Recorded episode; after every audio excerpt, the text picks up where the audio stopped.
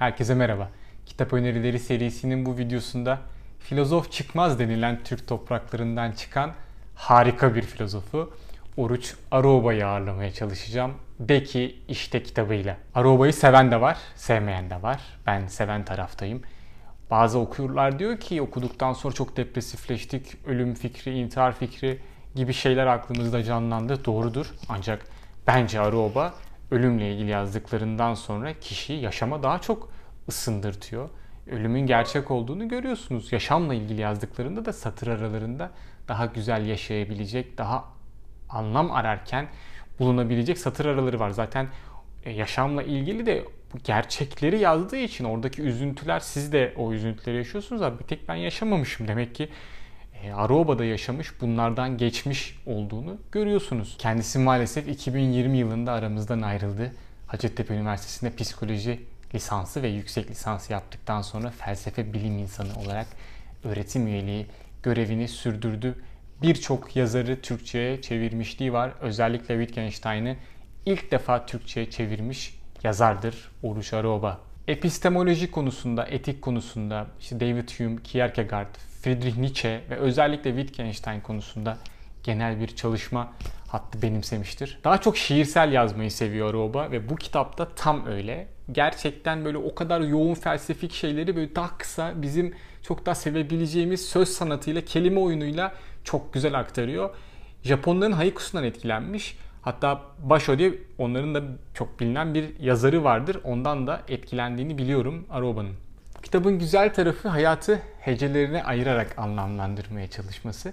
Kitabın sayfalarının altında da etkilendiği yazarların oradaki o pasaja yazmak için onu etkileyen yazarların isimlerini görüyorsunuz. Burada Kant'tan tutun da Nazım Hikmet'e kadar e, çeşitli kişilerden alıntılar ve onların üzerine Aroba'nın ekledikleri var. Dolayısıyla bilgi dağarcığınızı genişletiyor gerçekten. Kitabın giriş metni için aslında herkes ve hiç kimse için diyebiliriz Friedrich Nietzsche'nin böyle buyurdu Zerdüşt'ün başına yazdığı o ünlü cümlesi. Aroba'da sanki bunu yazmaya çalışmış çünkü kitap aslında onu anlayabilecek herkes için ancak buna yapabilecek de kimse yok der gibi bir felsefe metinleri bütünü. Yaşam nedenle gecikirse geciksin, ölüm hep zamanında gelir. Ölüm gecikmez. Yaşayabildiklerimiz eninde sonunda doğum günlerimizdir. Ölüm günlerimiz değil. Benim gibi doğum günü kutlamalarını çok sevmeyen kişiler için belki güzel olabilir. Ee, yaşadığın güzel günlerin, doğum günlerin olduğunu söylüyor. Tek bir güne ait değil gibi hissettim. O yüzden o her güzel gün aslında doğduğun güzel gün gibi keyifli bir anlam kazanabilir. İnsanın en anlamlı yaratısı mezardır. İnsanların en anlamlı oldukları yer mezarlıktır. Yaşam, yaşayan insanın kendinden kaçmasıdır. Anlam ölümdür. Ancak ölümü unutmayan, onu bir anlam temeli olarak, kendi dayanağı olarak sürekli canlı tutan bir yaşamdır anlamlı yaşam. Hz. Muhammed peygambere soruyorlar. Diyorlar ki bize öyle bir şey söyle ki Muhammed. Biz buradan geniş bir hayat anlamı çıkartabilelim. Sadece bu bize yetsin gibi bir şey soruyorlar. O da siz hiç defin işlemi, bir cenaze işlemi gördünüz mü? Buraya bakıp buradan anlamanız sizin için kafidir diyor. Yani insan mezarlığa gittiğinde aslında çabucak unutsa da hayatın ne kadar anlamlı olduğunu anlıyor. Devam ediyorum. Yaşadıklarımız öldürdüklerimizdir diyor yazar. Yaşar kılınan bir şey o anın geçip gidişiyle yok olmak üzere var edilmiş olamaz mı? Yaşam nedenli ölümse ölüm de o denli yaşamdır. İşte bizim aslında hayatın içerisinde öldürdüğümüz ilişkiler de olabilir bu. Günün sonunda anın ve formunu kaybetmesiyle öldürdüğümüz bir şey aslında bizim yaşamımızın tamamına dönüşmüş oluyor gibi bir ironi var. Ölümün aslında yaşamı taçlandırdığı ile ilgili bir dizesi var. İşte ölüm taç giydirir. Ölüm yaşama katkıda bulunur. Onun doruk noktasına ulaştırarak diyor. Devam edeceğim. İnsan yaşamın anlamını ölümde bulur ancak. Yaşam ancak ölümün var olabilmesiyle ve bilinçlendirilebilmesiyle anlamlıdır. Bakın bilinçlendirilebilmesiyle diyor. Ölümün her an her yerde olduğunu sürekli kendinize hatırlatarak ama negatif anlamda değil. Kafanızın arkasında tutarak da değil. Bilinçli bir şekilde ölümü yaşayarak, ölümü hissederek yaşamı yaşayabilirsiniz diyor. Araoba ekliyor. Ölümsüz yaşam anlamsızdır yaşamlarının son anlarıyla ortaya yoğun anlam birimleri koyabilirler diyor. O benim bildiğim kadarıyla Halil İnalcık 70'inden sonra büyük eserlerinde yazıyor. Hatta Hz. Mevlana Mesnevisi'nin de yine ileri bir yaşta yazıyor. Ölüm yaklaştıkça oradan yeni büyük bir potansiyel bir, bir yaşam enerjisi de çıkıyor diye Aroba ve büyük yazarlar bunu ispatlıyorlar aslında. Hayatın anlamı ile ilgili Friedrich Nietzsche'den etkilendiği bir tarzda şöyle yazmış. İnsanların çoğunluğu yaşamlarını anlamsız yaşıyorsa pek ender bir azınlığı ölümlerini yaşayarak yaşamlarını da anlamlı yaşıyor. Deminki söylediklerimize ek olarak bu da dursun.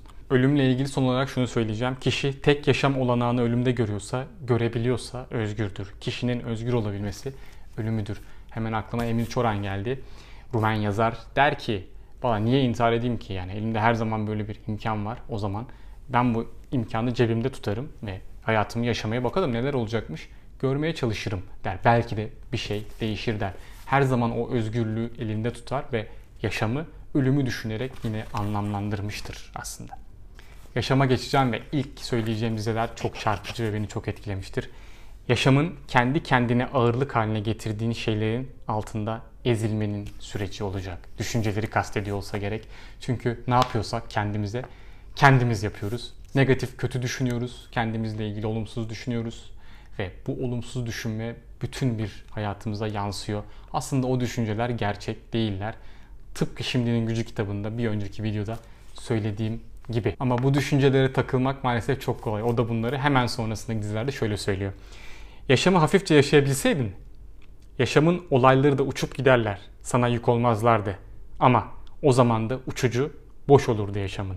Bu yüzden yaşadığın her olayı ağırlaştıracak ki uçup gitmesin, omzuna çöksün, sen de onun yükünü taşıyasın. Yaşaman, yaşamın yükünü yüklenmen olacak. Yaşam, yükleneceğin yüktür. Yaşamın yükündür diyor. Maalesef o düşüncelere çekileceğimizi söylüyor. Kendimize koyduğumuz hedefler var. Hedefler, beklentiler, beklentileri yakalayamayınca yaşadığımız üzüntü onlarla ilgili çok güzel dizeleri var. Diyor ki yaşamın seni ulaşman gereken düzeyin altında tutmaya çalışan eğilimlerle savaşmakla geçecek. Bu yüzden de ulaşman gereken düzeye ulaşamayacaksın. Yani başarılı olacak o eğilimler sonuçta. Senin onlarla savaşmak yüzünden ulaşman gereken düzeyin altında kalmak olacak yaşamın. Ama savaşırsan en azından ki nereye gelebilirsen geldiğin düzeye savaşarak gelmiş olacaksın. Bu da boşuna olmayacak. İşte yaptığımız çabanın da neden boşuna olmadığını çok güzel anlatıyor. Hayata dair poz kesmemizle ilgili de güzel bir dizesi var onu da okuyorum. Yaşamında hep sahici olmaya, yaşadıklarını sahiden yaşamaya, yaşamı sahi yaşamaya çalışacaksın ama yaşadıklarında hep bir sahtelik arka planı, bir yapmacıklık çizgisi, bir uydurulmuşluk havası boy gösterecek. Peki yaşamına güç verecek olan şey ne? Bunu da 15. kısımda söylüyor. Diyor ki yaşamına güçlülük verecek tek şey güç eksikliğini duyman olacak. Ancak bunu duyarsan, yaşama güçsüzlüğü çekersen, güçlülük arayışına girebilirsin. Onu da belki elde edebilirsin ama edemeyebilirsin de. Yaşam hep ya daha yüksek güce yönelmiştir ya da daha derin batışa. Yaşamın ya yükselme ya da batma olacaktır. Burada Friedrich Nietzsche'den etkilendiğini söyleyebilirim yazarın. Ben de kitap okumayı tam da bu sebepler yüzünden yapmaya başlamıştım. Kendimde büyük bir eksiklik hissedip, büyük bir yetersizlik, bilgisel konuda bir yetersizlik hissedip acaba okursam burayı kapatabilir miyim gibi bir çabaya girişmiştim. Uzun zamandır okuyorum ama açıkçası e, buradaki boşluğu kapatabildiğimi hiç söyleyemem. Hala çok fazla eksik var. Bir şeyi zaten hani bilmiyorsan gidip bir tane lügat oku derler. Biliyorsan git 3 lügat oku ki daha derinine inebilesin. O yüzden okudukça yeni yeni derinlikler ortaya çıkıyor ve aslında hiçbir zaman tamam olamıyoruz ve yeter hissedemiyoruz. Ama yine de elimizden gelen mücadeleyi göstermek sanırım keyifli bir şey. Hayatta sanki hepimiz bir şey arıyoruz, bir şeyle tamamlanmaya çalışıyoruz. Kimimiz diyor ki tamam buldum bu o. Bu bir ilişki olabilir, bir kadın bir erkek olabilir. Ee, ancak onu bulduğumuzda bile içimizde bir gönül kırıklığı oluşuyor. Çünkü bulduğumuz şey aslında tamam olmayan bir şey ve o tamam olmayanı belli bir zamanda fark ediyoruz ve bir gönül kırıklığıyla baş başa kalıyoruz. Bunu çok güzel şöyle anlatmış. Yalnızca neyi aradığını bilmeden yaşamakla kalmayacaksın. Bulduğunda aradığının o olup olmadığını da bilmeyeceksin. Kurduğunda kurduğunun sahici yaşamın olup olmadığını da. Yaşamını hiçbir şey bilmeden yaşayacaksın. Yaşamını bilmeden yaşayacaksın. Yaşamın bilmediğindir. Beklemekle ilgili de çok güzel bir şey söylemiş. Yaşamın beklediğinin gelmemesi ki işte senin de gelmeyeceğini bildiğini beklemen olacak. Biraz böyle değil midir? Geleceğini zannettiğimiz kişiyle aslında o kadar çok gönül taşkınlığı hissetmeyiz. Ne zaman ki ulaşılamaz, gelmeyeceğini bildiğimiz bir kişi varsa aklımıza takılır durur. Yaşamın böyle bir unutulmaz anları vardır. Böyle bir böyle dakikalar içerisinde, saniyeler arasında gider ama çok unutulmaz bir andır. Onunla ilgili çok güzel dizelerini okuyacağım şimdi. Ancak arada bir gerçekten yaşayacaksın. Duygusal olarak unutulmaz bir an denen yaşam aralıklarından birinde tam kendin olarak, tam kendisiyle yüz yüze geldiğin bir başka kişiyle birlikte bir şey yaşadığında bu gibi sevinç veya acı o zaman gerçekten yaşarsın. Ama bu anları son derece seyrek yaşarsın.